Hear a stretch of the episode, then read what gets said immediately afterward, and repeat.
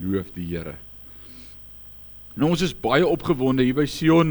Ons leierskap volg nou al vir 'n paar jaar uh die Bible Project. Uh dis 'n groep ouens wat probeer om illustrasies van die Bybelboeke uh te skets en, en hulle is vir die afgelope bietjie meer as 'n jaar in Afrikaans besig om Afrikaans uh die die projeksies te doen. So ons gaan vanaand gou kyk Dis net 7 minute na 1 na 2 Tessalonisense se Afrikaanse uitbeelding. Dan hoef ek nie die recap te doen nie, dan kan ek net met die deur in die huis val. So hulle spaar my en hulle doen dit nogal heel oulik. So Jacques sit dit gou vir ons op en dan gaan ons Paulus se tweede brief aan die Tessaloniërs. So nie lank nadat Paulus 1 Tessalonisense geskryf het nie, het hy 'n verslag oor die Christene in Tessalonika ontvang dat die probleme wat hy in die eerste brief geadresseer het, nie net nog steeds daar is nie, maar dat hulle nog erger geword het. Die vervolging het nog meer intens geraak en die Tessaloniese Christene het verward en bang geraak oor die wederkoms van Jesus. So Paulus het hierdie kort brief gestuur wat ontwerp is in 3 dele wat die drie probleme in hierdie kerk aanspreek. Eerstens bied Paulus hoop te midde van hulle volgehoue vervolging en dan gee hy duidelikheid oor die komende dag van die Here. Dan bring hy 'n baie spesifieke uitdaging aan die leegleiers. Mense wat geweier het om normale werk te doen. En die einde van elkeen van hierdie afdelings word duidelik aangedui deur 'n kort slotgebed. Paulus begin met 'n dankgebed vir die Tessaloniërs se volgehoue getrouheid en liefde en spesifiek hulle volharding. Hy het uitgevind dat hulle Griekse en Romeinse en miskien selfs Joodse bure hierdie Christene nog meer intens vervolg. Hulle is 'n godsdienstige minderheid wat erg onderdruk word. En Paulus is bekommerd dat hulle dalk hulle vertroue in Jesus mag verloor as dit erger raak.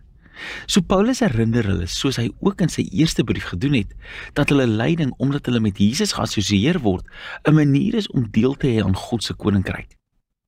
Jesus is ingewy as koning deur sy lyding aan die kruis. En so sal sy volgelinge hulle oorwinning oor die wêreld wys deur Jesus se vredelewende en geduldige volharding na te volg. Paulus herinner hulle ook dat hierdie nie vir ewig sal aanhou nie.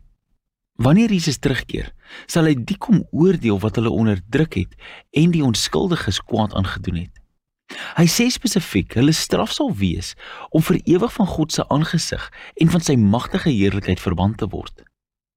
Paulus spekuleer nie hier oor die lot van diegene wat Jesus verwerp nie, behalwe om te sê, solank hulle geleef het, wou hulle niks met Jesus te doen gehad het nie, en uiteindelik kry hulle wat hulle wil hê, geen verhouding met hul Skepper en hul koning nie. En dis vir Paulus die grootste tragedie om verwydering van Jesus te kies wat die bron is van alle lewe en liefde is om jou eie ondergang te verseker. Hy sluit hierdie gedagte af deur te bid dat God hulle leiding sal gebruik om 'n diepe karakterverandering aan die gang te sit sodat hulle lewens eer aan Jesus se naam sal bring. Paulus gaan dan aan om 'n spesifieke kwessie aan te spreek oor die wederkoms van Jesus en die dag van die Here. So iemand in die Tessaloniese kerkgemeenskappe het vals inligting in Paulus se naam versprei deur te sê dat God se finale daad van regverdigheid teenoor menslike boosheid die dag van die Here aangebreek het. En dit het reeds gekom. En hierdie mense het heel waarskynlik voorspel op watter datum die einde van dinge sou aanbreek en hulle het ander Christene bang gemaak. En mense kan sien hoekom. As gevolg van hulle intense vervolging, kon hulle maklik val vir iemand wat aanspraak daarop maak dat Jesus reeds soos 'n dief in die nag te gekom het. Hulle het agtergebly. Miskien het hy die Tessaloniërs in hulle lyding verlaat. Hierdie tipe praatjies het Paulus regtig vies gemaak. Dis 'n wanvoorstelling van sy onderrig. Jesus se wederkoms moet nooit vrees laat ontstaan nie, maar eerder hoop en selfvertroue. Paulus herinner hulle aan alles wat hy hulle oor Jesus se wederkoms geleer het toe hy by hulle was. En hy gee hier 'n kort opsomming daarvan. Dit is eintlik te kort. Hierdie paragraaf het baie raaisels en interpretasieprobleme. Maar wat duidelik is, is dat hy die welbekende tema van die profete Jesaja en Daniël aanhaal dat die koninkryke van die wêreld sou aanhou om leiers op te lewer wat teen God sou rebelleer, soos Nebukadneser of die koning van die noorde in die verlede gedoen het. Hierdie leiers het hulself verhoog tot goddelike gesag. En vir Paulus gee hierdie antieke konings en profeseë vir ons beelde. Hulle wys 'n patroon wat hy in vervulling sien gaan het tydens sy lewe deur die Romeinse keisers Caligula en Nero. En hy het verwag dat dit herhaal sou word. Dat die geskiedenis sou oploop na 'n punt waar daar 'n rebelse leier is wat deur die bose self bemagtig is. Iemand wat chaos en geweld in God se wêreld sou veroorsaak, maar nie vir ewig nie. Wanneer Jesus terugkom, sal hy die rebel konfronteer en almal wat boosheid pleeg en hy sal sy mense verlos. Waarmee Paulus hier besig is, is nie om latere lesers rede te gee vir apokaliptiese spekulasie nie. Hy is eerder besig om die Tessaloniërs te troos. Hy herinner hulle weer aan wat Jesus hulle geleer het uit Markus 13 wat sê dat die gebeure wat lei tot sy wederkoms baie duidelik en in die openbaar sal wees. En daarom hoef hulle dus nie bang of bekommerd te wees dat hulle agtergelaat is nie.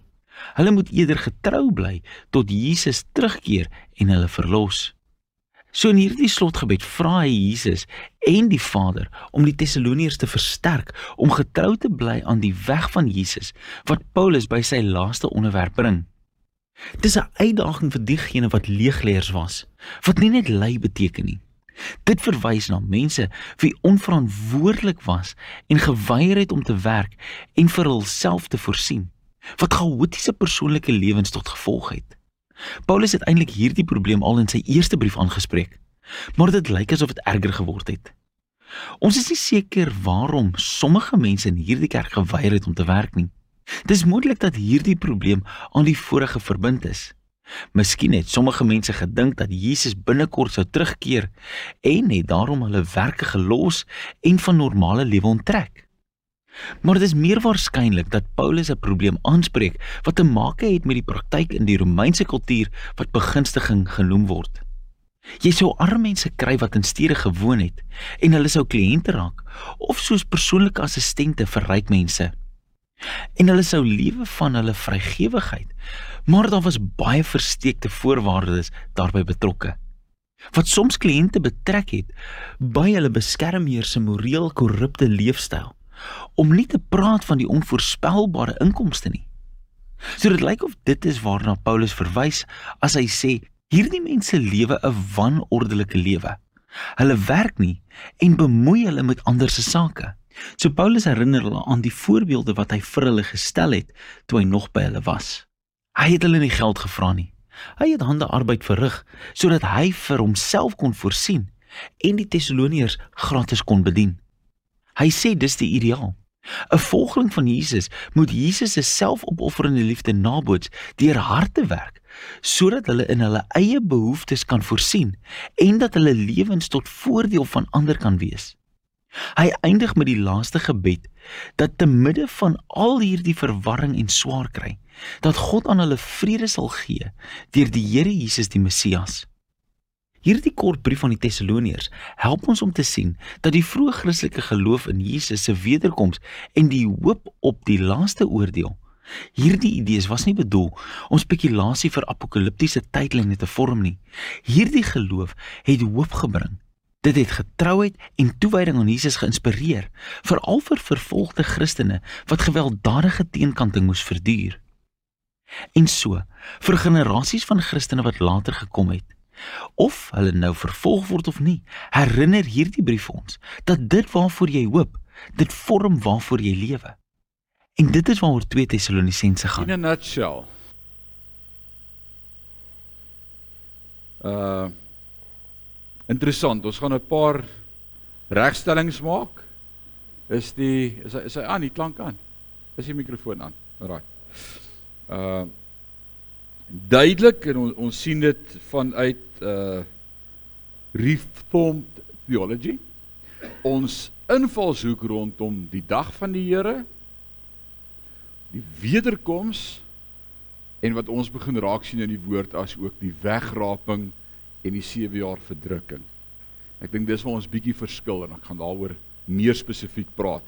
Maar daar is net so in general om jou 'n 'n uitlyn te gee dat jy 'n bietjie oorsig het van waaroor die boek 2 Tessalonisense gaan. Nou ons het gepraat oor 1 Tessalonisense en ons het in detail oor daardie boek reeds gesels. Hierdie is 'n opvolgboek om en by 'n jaar later. So tussen 1 Tessalonisense en 2 Tessalonisense verloop daar om en by 'n jaar.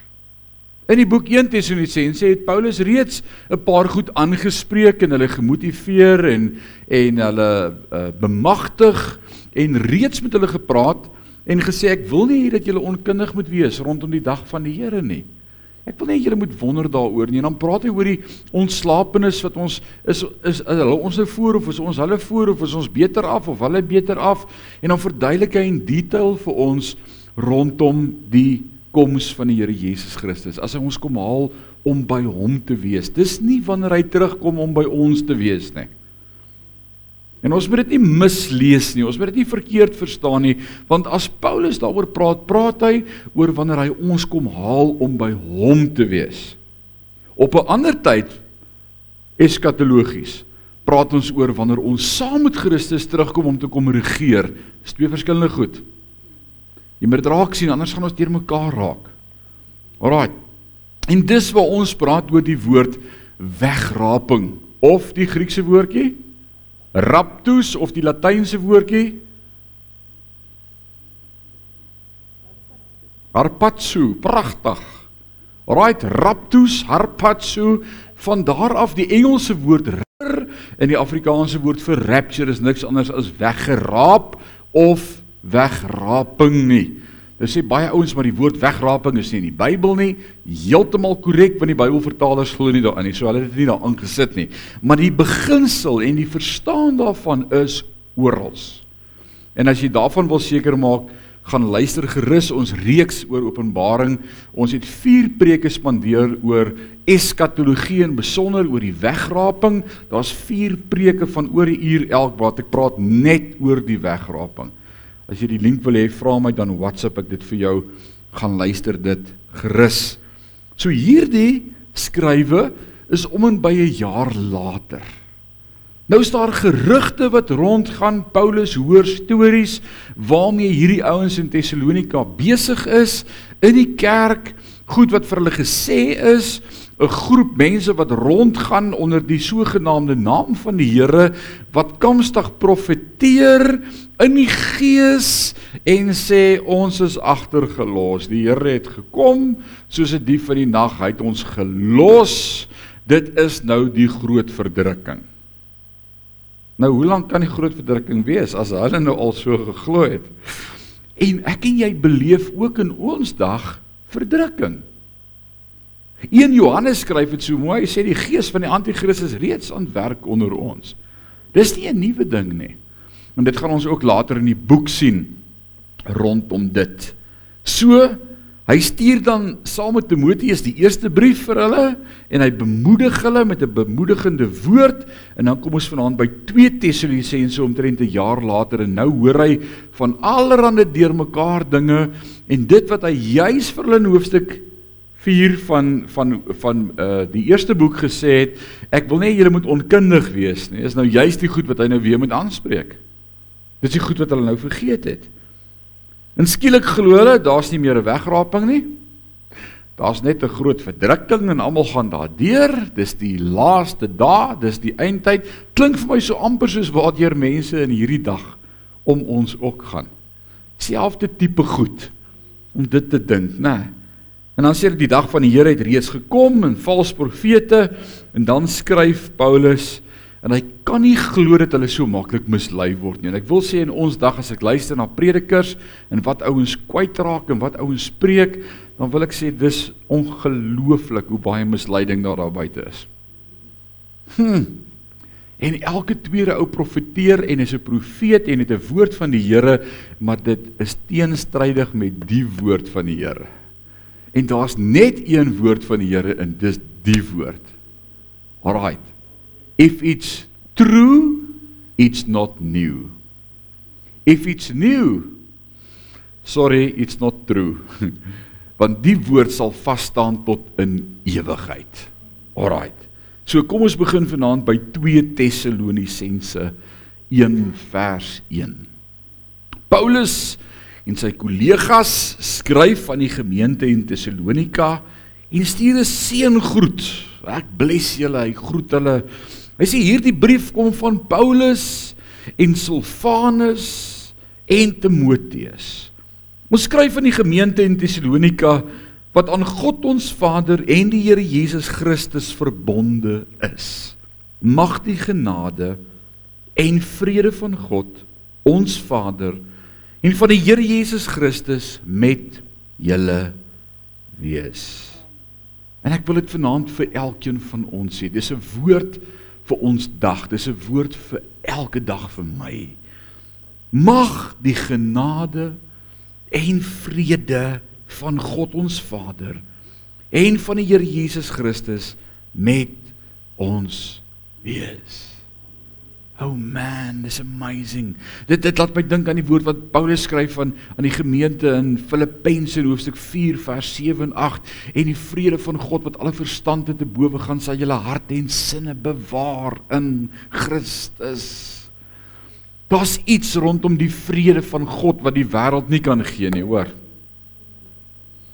'n Vriend van my in die dorp wat 'n besigheid het, WhatsApp my vanmiddag en hy sê, "Weet jy van enige jong mense wat nie op dwelms is nie wat wil werk?" Want dis sy ondervinding met jong mense in die dorp. En ek het eers dit as 'n grap, ek het twee emojis gestuur met 'n ouetjie wat lag. Toe ek daaroor begin dink, toe besef ek is al hoe meer die set van Satan in ons dag. Want weet jy hoekom gryp ek na al hierdie ander goed en stimulante en dwelms? Want ek het nie vrede met God nie. En die wêreld probeer 'n vrede gee, maar dis nie vrede nie. Die einde daarvan is die weë van die dood. Net God kan vrede gee. En ek en jy die antwoord. Jesus Christus. Ons het die antwoord.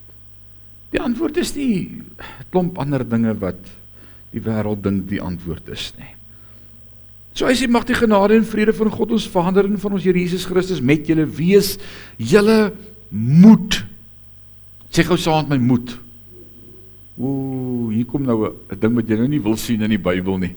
Jy gaan sê nee, kan ek net hierdie uitkrap asseblief? Hierdie is nou nie 'n skriffie wat jy teen jou yskas gaan plak en elke oggend kwoteer nie. Ek is tot alles in staat deur Christus wat my die krag gee. Ja, julle moet onder vervolging volhard. Dis nou nie een van daai tekste nie, maar dis 'n awesome teks om te weet. Want dit help my en jou as ons deur die vervolging gaan om te sê Ben, ons moet volhard in die vervolging. Ons moet net just stand up. Moenie val nie. Efesiërs 6. Trek die wapenrusting aan sodat jy al wat jy moet doen is staan en bly. Jy hoef nie eers vir die duiwel te veg of te beklei met hom nie, hoor. Nou skud ek 'n paar ouens wat hou van oorlogvoering. En die geloof van die swaard en die skild en nie. Jy hoef vir die duiwel niks te sê nie. Hy het klaar verloor. Christus het hom aan die kruis uitgeklee. Hy's 'n verloorder. Hy loop rond soos 'n brullende leeu. Hy is nie eers 'n brullende leeu nie. Hy's 'n Mickey Mouse met 'n luidspreker. En almal is bang vir hom. En ek het vir hom niks te sê nie. Want hy's uitgeklee. En ek is meer as 'n oorwinnaar deur Christus wat my die krag gee. En daarom kom Paulus in die gemeente in Efese en hy sê: "Hey, al wat jy moet doen is staan bly. Jy hoef nie die duiwel te veg en hier tot die tot die, tot die dood toe weerstand te bied en maar ek het vir die duiwel niks te sê nie. Hy het verloor." Maar hier is die probleem. Want hier dink ek, "Jesus, dis 'n oorlogstryd en ek gaan verloor en nou die duiwel weer gewen en die duiwel dit omdat ons verkeerd dink." Daarom sê Paulus in die gemeente in Rome in Romeine 12 vers 2, kry aan 'n manier van dink. Dink anders daaroor. Jy het klaar gewen. Jy is meer as 'n oorwinnaar deur Christus wat jou die krag gee. So hy sê julle moet onder vervolging volhard. Dan wil ek vir jou sê hierdie is nie 'n boodskap van ou ons moet oppas vir hierdie boodskappe in ons dag. Ons evangelie is nie 'n boodskap van As jy aan God behoort, gaan dit met jou net goed gaan en jy gaan net vrede beleef en jy gaan net geseënd wees. Man, sê dit net en jy het dit. Anders het Lukas Maria al sy miljoen gehad. Want hy het dit baie keer gesing. Ek sou kon doen met 'n miljoen. En hy het dit nie gekry nie. Hierdie is is ons is in 'n oorlog. En hier om ons is 'n stryd, maar ek weet wie ek is in Christus. Ek's 'n oorwinnaar. En nie eers die dood kan my skei van Christus nie. En daarom kan ek altyd 'n smile op my gesig hê. En nou kom hierdie gemeente in 2 Tessalonisense en daar's allerlei moeilike dinge wat gebeur. Die kerk word vervolg, hulle word onthoof, hulle word doodgemaak en skielik word daar 'n gerug versprei die Here het gekom en ons het agtergebly. Dis die groot verdrukking. En nou sit hierdie krisis en 'n geloofskrisis in hulle dag. Maar as ek dan 'n kind van die Here is, hoekom word ek verdruk? Hoekom pik ouens op my? Hoekom straf hulle my omdat ek 'n gelowige is? Hoekom kyk hulle neer op my? Hoekom diskrimineer hulle teenoor my as 'n gelowige? Hoekom spot hulle met my? Hoekom kyk hulle my verby vir 'n verhoging of 'n aansien of 'n guns? Hoekom praat die familie nie met my nie oor ek 'n apostolie is? In ons eie generasie is daar ouens wat beleef het dat hulle ouers hulle onterf toe hulle hulle harte vir die Here gegee het. Dis die prys wat ons voorgeslagte moes betaal het om 'n verhouding met God te hê. Want as jy getuig het van wedergeboorte en bekering, dan s'jy verlore. Want jy verloon die kerk. Nou ons ouers het daai pryse betaal. Maar dit is oukei okay, en dis wat Paulus probeer sê, is jy moet volhard ja, onder vervolging. Broers en susters, broers en susters. Dis nie net die broers wat vervolg word of die susters nie, dis almal. Hy sê dit is gepas dat ons altyd vir God dankie sê vir julle want julle geloof hou net aan groei en julle almal se liefde vir mekaar word net groter. Dis 'n dis 'n mooi getuienis vir die kerk. Wat sê jy? Ons geloof hou aan groei en julle liefde vir mekaar word net meer en meer. Dis 'n mooi getuienis vir enige gemeente. Maar dink gou saam met my almal van julle wat nou baie slim is. Dink gou terug saam met my aan 1 Tessalonisense. Want in hoofstuk 1 van 1 Tessalonisense het hy hulle gekomplimenteer oor drie goed. En nou praat hy met hulle oor hulle geloof en hulle liefde wat aangehou het. Kan jy onthou wat in hoofstuk 1 vir hulle gesê is toe Paulus met hulle gepraat het? In hoofstuk 1 vers 2 en 3 sê hy: "Wanneer ons bid, dank ons God altyd vir almal van julle. Ons onthou voortdurend hoe julle geloof dade geword het. Hoe hard julle liefde julle laat werk het en hoe julle aanhou hoop op die Here Jesus Christus." Hier was drie goed in hulle lewens gewees 'n jaar terug. Geloof, geloof het gemaak dat hulle werk. Liefde, hulle liefde het gegroei vir mekaar. Maar die laaste en die belangrikste ding is hy het gesê julle het hoop, julle hoop op Christus. En nou 'n jaar later skryf hy vir hulle en sê ek is baie bly om te sien julle glo daarom nog. En dit is baie nice om te sien julle is nog lief vir mekaar. Maar ou man, julle het julle hoop verloor. Julle hoop nie meer op die koms van Christus nie. Julle het julle laat steur aan vals gerugte en stories en vals profeseë en julle dink julle is in die groot verdrukking en daar's geen meer hoop vir die koms van Christus nie. En dis hartseer. Dis eintlik wat hy hier vir hulle sê wat ons nie raak lees nie. Is julle die hoop verloor. Nou kom ons wees vanaand met mekaar eerlik. Wat is in hierdie dag die nommer 1 ding wat in 'n kind van God se lewe geteken word, beproef word en op die toets gestel word. Ons word nie gepotjie of uh, afgemak as wie ook al as ons mekaar liefhet nie. O, julle Christene met julle liefde vir mekaar. Nee, dis nie 'n probleem vir die wêreld as ons liefde het nie. Dis nie 'n probleem vir die wêreld as ons geloof het nie. Jy kan tot glo wat jy fyn. Maar my hoop word getarget. Deur negativiteit, deur al die goed wat versprei word, deur al die goed wat gesê word, deur al die gerugte en gebeure word my hoop aangeval. En weet julle hoe baie kinders van God het in hierdie dag hulle hoop verloor? Hulle hoop verloor op Christus. Ons voel so hopeloos. As jy lief vir die Here, ja, ek weet ek is 'n kind van die Here, maar ek weet nie wanneer gaan die Here kom nie. Dalk kom die Here nie eers meer nie. Dalk is daar nie eers 'n wegraping nie. Dalk is ons maar net in die groot verdrukking. Daar's onkunde rondom dit en dis die nommer 1 ding wat die duiwel wil steel. Dit was in hulle dag presies dieselfde. Die woord hoop. Die verwagting van komende goeie dinge. Ek het vanmôre gesê wanneer iemand jou hoop vat, dan vat hy baie van jou.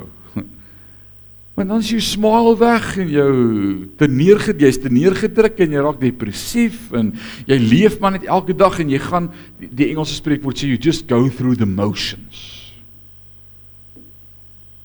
Ek gaan maar net deur die motions.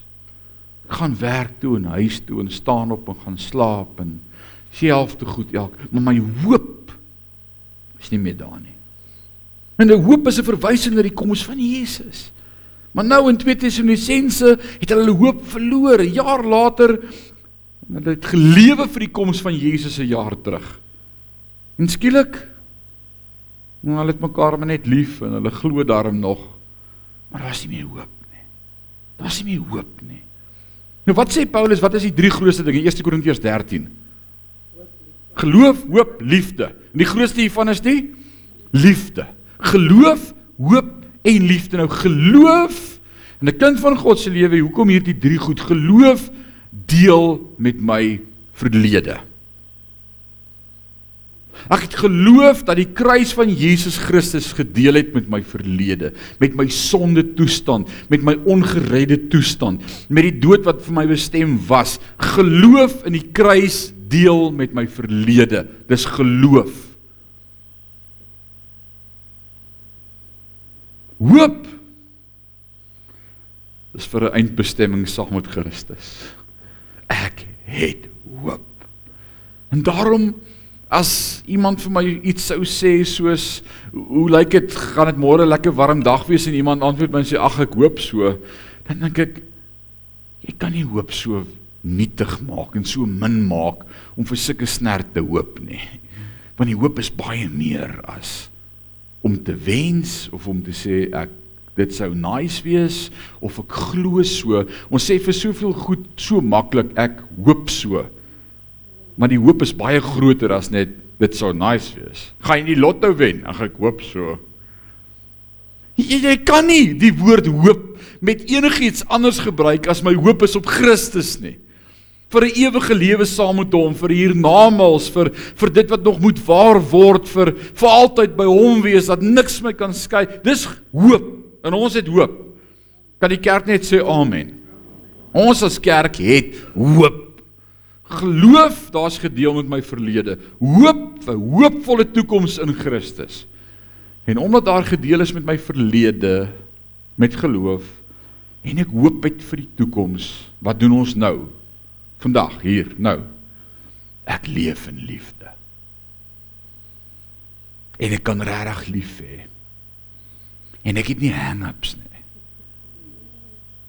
Ek kan net lief hê. Want ek het nie 'n verlede nie en ek het 'n awesome toekoms. So al wat ek nou kan doen Johan is ek kan my boeties en sissies lief hê En hoekom het die kerk nie lief nie of hoekom sukkel kinders van die Here om op hierdie oomblik net lief te hê? Want ek het of 'n issue met my verlede of ek het my hoop verloor vir die toekoms. En dis wat die duiwel regkry om te steel. Ons hoop En omdat ek so besig is om te veg vir my toekoms en die gesondheid van my kinders en moet dit nou die chap wees of nie die chap nie en is dit nou dit is dit die duiwel is dit die merk van die dier is dit die wat jy is so besig dat jy God se opdrag om lief te hê verloor. En die kerk is so besig met homself dat ons vergeet van 'n stikkende wêreld en God sê jy moet jou naaste lief hê soos jouself. Ek kan nie want ek het hang-ups met my verlede of ek het nie hoop vir die toekoms nie. Sien hoe daai balans in mekaar kom. Laat my dink aan die tannie wat haarself spoil na die dood van een van haar mans. Boek sy haarself op 'n cruise ship. Sy gaan met die simfonie seil. en sy koop vir haarself 'n kaartjie en sy klim op die simfonie en sy gaan vaar op die boot. Was sy huisgenoot se bootreis of iets. En en op hierdie bootreis sien sy hierdie aantreklike man 'n uh, senior man, haar portuur wat alleen aan die etenstafel sit. Sy sy merk dit op, sy's 'n opmerklike dame. En die volgende oggend toe sy vir ontbyt na die eetsaal gaan, toe merk sy dat hierdie meneer nog steeds alleen sit. En sy stap nader. Sy kom by hom sê meneer, ek is jammer om te pla, maar ek sien jy is alleen. Is jy alleen op die reis? Hy sê ja. Sy sê is jy nie getroud nie? Hy sê nee. Sy sê jy lyk vir my so baie soos my derde man. Hy sê liewe genade. Nou hoeveel mans het jy al gehad? Sy sê nog net 2.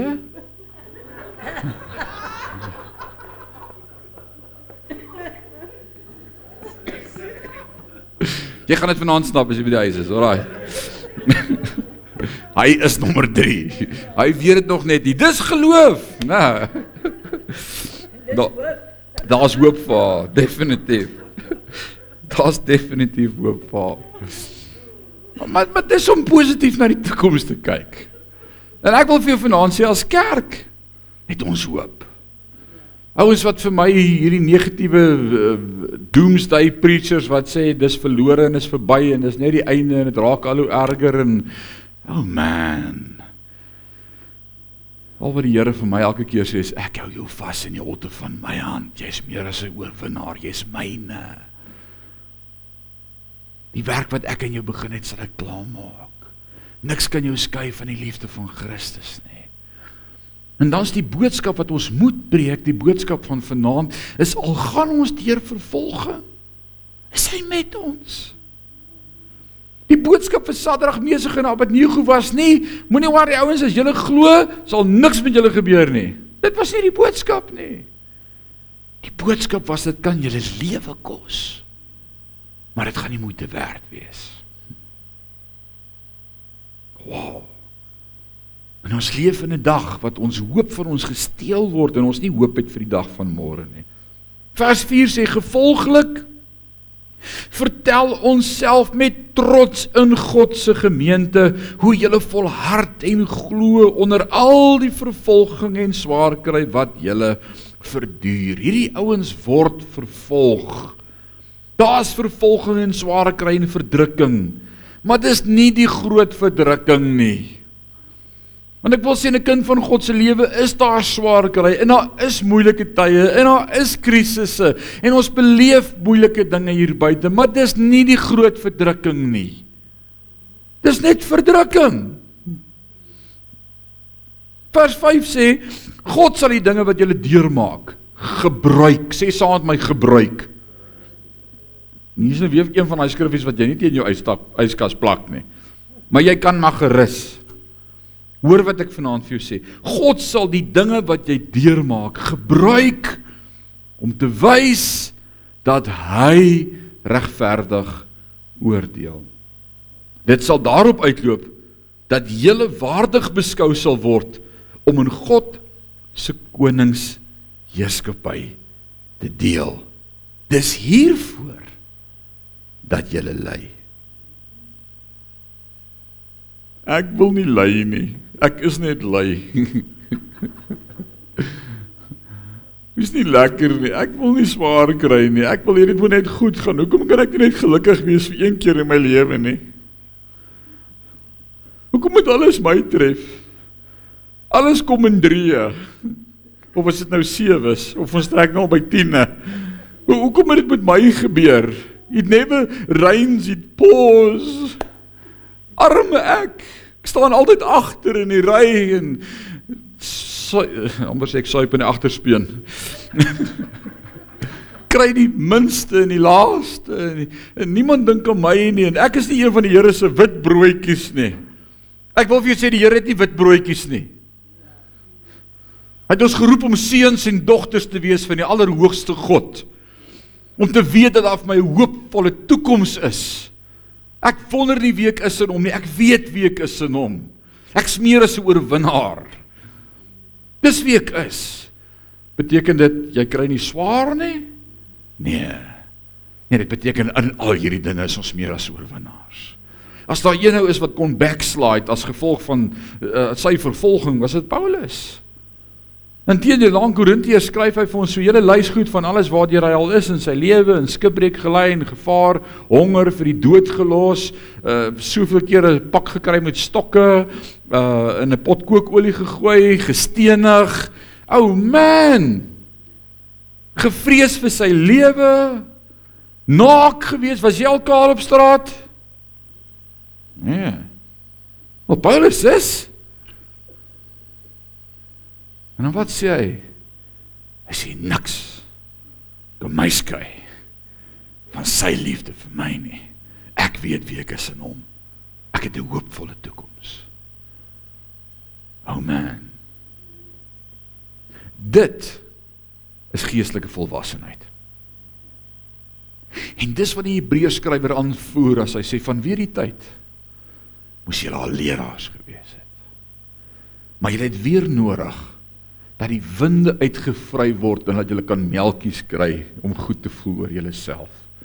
Jy moes geweet het wie jy is in Christus. Oh, hy vat nie nonsens nie. Hm. So die feit dat jy 'n swaar kry en verdrukking beleef is 'n bewys jy behoort aan Jesus. Dan sê jy maar ek wil nie verdrukking beleef nie. Wel, sorry vir jou. Sorry vir jou. Wat skryf Paulus vir Timoteus in 2 Timoteus hoofstuk 3 vers 12? Hy sê ja en almal wat 'n lewe in verbondenheid aan Christus Jesus wil lei, sal vervolg word. Sê ek wil net lief wees vir die Here. Hoekom kan die duiwel my nie net uitlos nie? Shame. Jy het 'n target op jou kop. Dis net so. Jakobus 1, Jakobus se halfbroer van Jesus skryf in hoofstuk 1 vers 2 tot 4. Hy sê ag dit louter vreugde my broeders as julle in allerlei versoekinge val omdat julle weet dat die beproewing van julle geloof lydsaamheid bewerk en die lydsaamheid moet tot volle verwerking kom sodat julle volmaak sonder gebrek en niks tekort sal kom nie. Daar's 'n doel daarmee. God wil jou op die plek bring waar jy sal weet you'll never know that God is all you need until God is all you have. Gorit in boom. Hoe sal jy ooit weet dat jy alles het as jy nie weet dat jy alles het? Dis wanneer dit beproef word deur die vuur en deur die beproewing en deur die verdrukking wat ek besef ek het alles. Ek kort niks. Jy weet nie die Here is jou herder en jy sal niks kort kom nie totdat jy net die herder het nie. En elke toets en beproewing in my lewe En oor die laaste paar maande van my lewe is elke beproewing net weer 'n ontdekking al wat ek nodig het is Jesus Christus. Dis al wat ek het. Wat baat dit die mens as hy die hele wêreld het, maar sy siel skade ly? Amen. Ek dank God vir beproewing. Dis nou nie iets wat almal wil amen op sê nie, maar ek ek challenge jou om op daai plek te kom wat jy vir die Here sê ek eer U vir beproewinge. Want as in die beproewinge wat ek geleer het, U los my nooit nie. U is altyd daar. En dis die hoop wat Paulus deel met hierdie gemeente in Tessalonika. Ons bid soveel keer. Here, dat ek dit net sal vryspring. Here, ek sien nie kans vir hierdie toets nie. Ag Here, help my. U is mos God. U is by magte om dit in een oomblik om te draai. Here, ek sien nie kans hiervoor nie. Kan U nie net 'n bietjie vir my voorsien nie? Maar hoe sal ek dan ooit ontdek dat God die God is wat my vashou as hy my nie ook deur dit help nie? En dis hoekom ek en jy glo in 'n soewereine God. Waar die ou lied wat gesing is deur die Puriteine. Wie van julle weet wie's die Puriteine? O, julle moet bietjie daaroor gaan lees, die Puritans. Dis dis dis dis 'n generasie net ra, na die reformatie van manne en vroue wat absoluut heiligmaking nagestreef het en geglo het om rein voor God te wees, die Puritans. En en hulle het 'n lied geskryf wat sê some through the fire some through the flood but all through the blood. Dis die verskil. Party gaan deur die vuur. Party gaan deur die woestyn. Party gaan deur die water. Ek vra vrou hoe gaan en dan sê die water is net hier, moet net nie golfies maak nie. Dit voel of ek oorgaan. Sit vanmôre en nie te breiner op die verhoog gehad om vir klein Jana aan die Here voor te stel en dit was so awesome geweest. Hulle is deur hel die laaste jaar en 'n half. Kindjie is gebore met 'n defek in die hart, prem gebore. Dis in lockdown. Hulle mag nie by haar wees in die ICU nie. Hulle sit op die huis by die plaas en en sy is in die hospitaal en en en, om, al wat ons kan doen is om die Here te vertrou.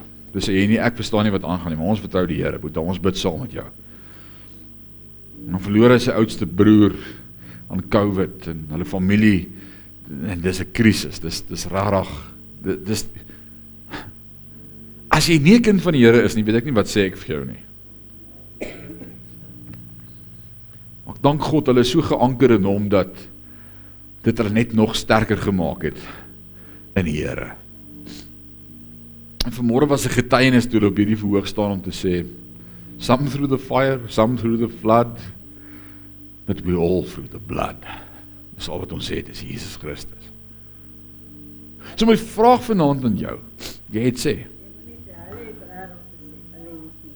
Allee, you'll never know that God is all you need until God is all you have.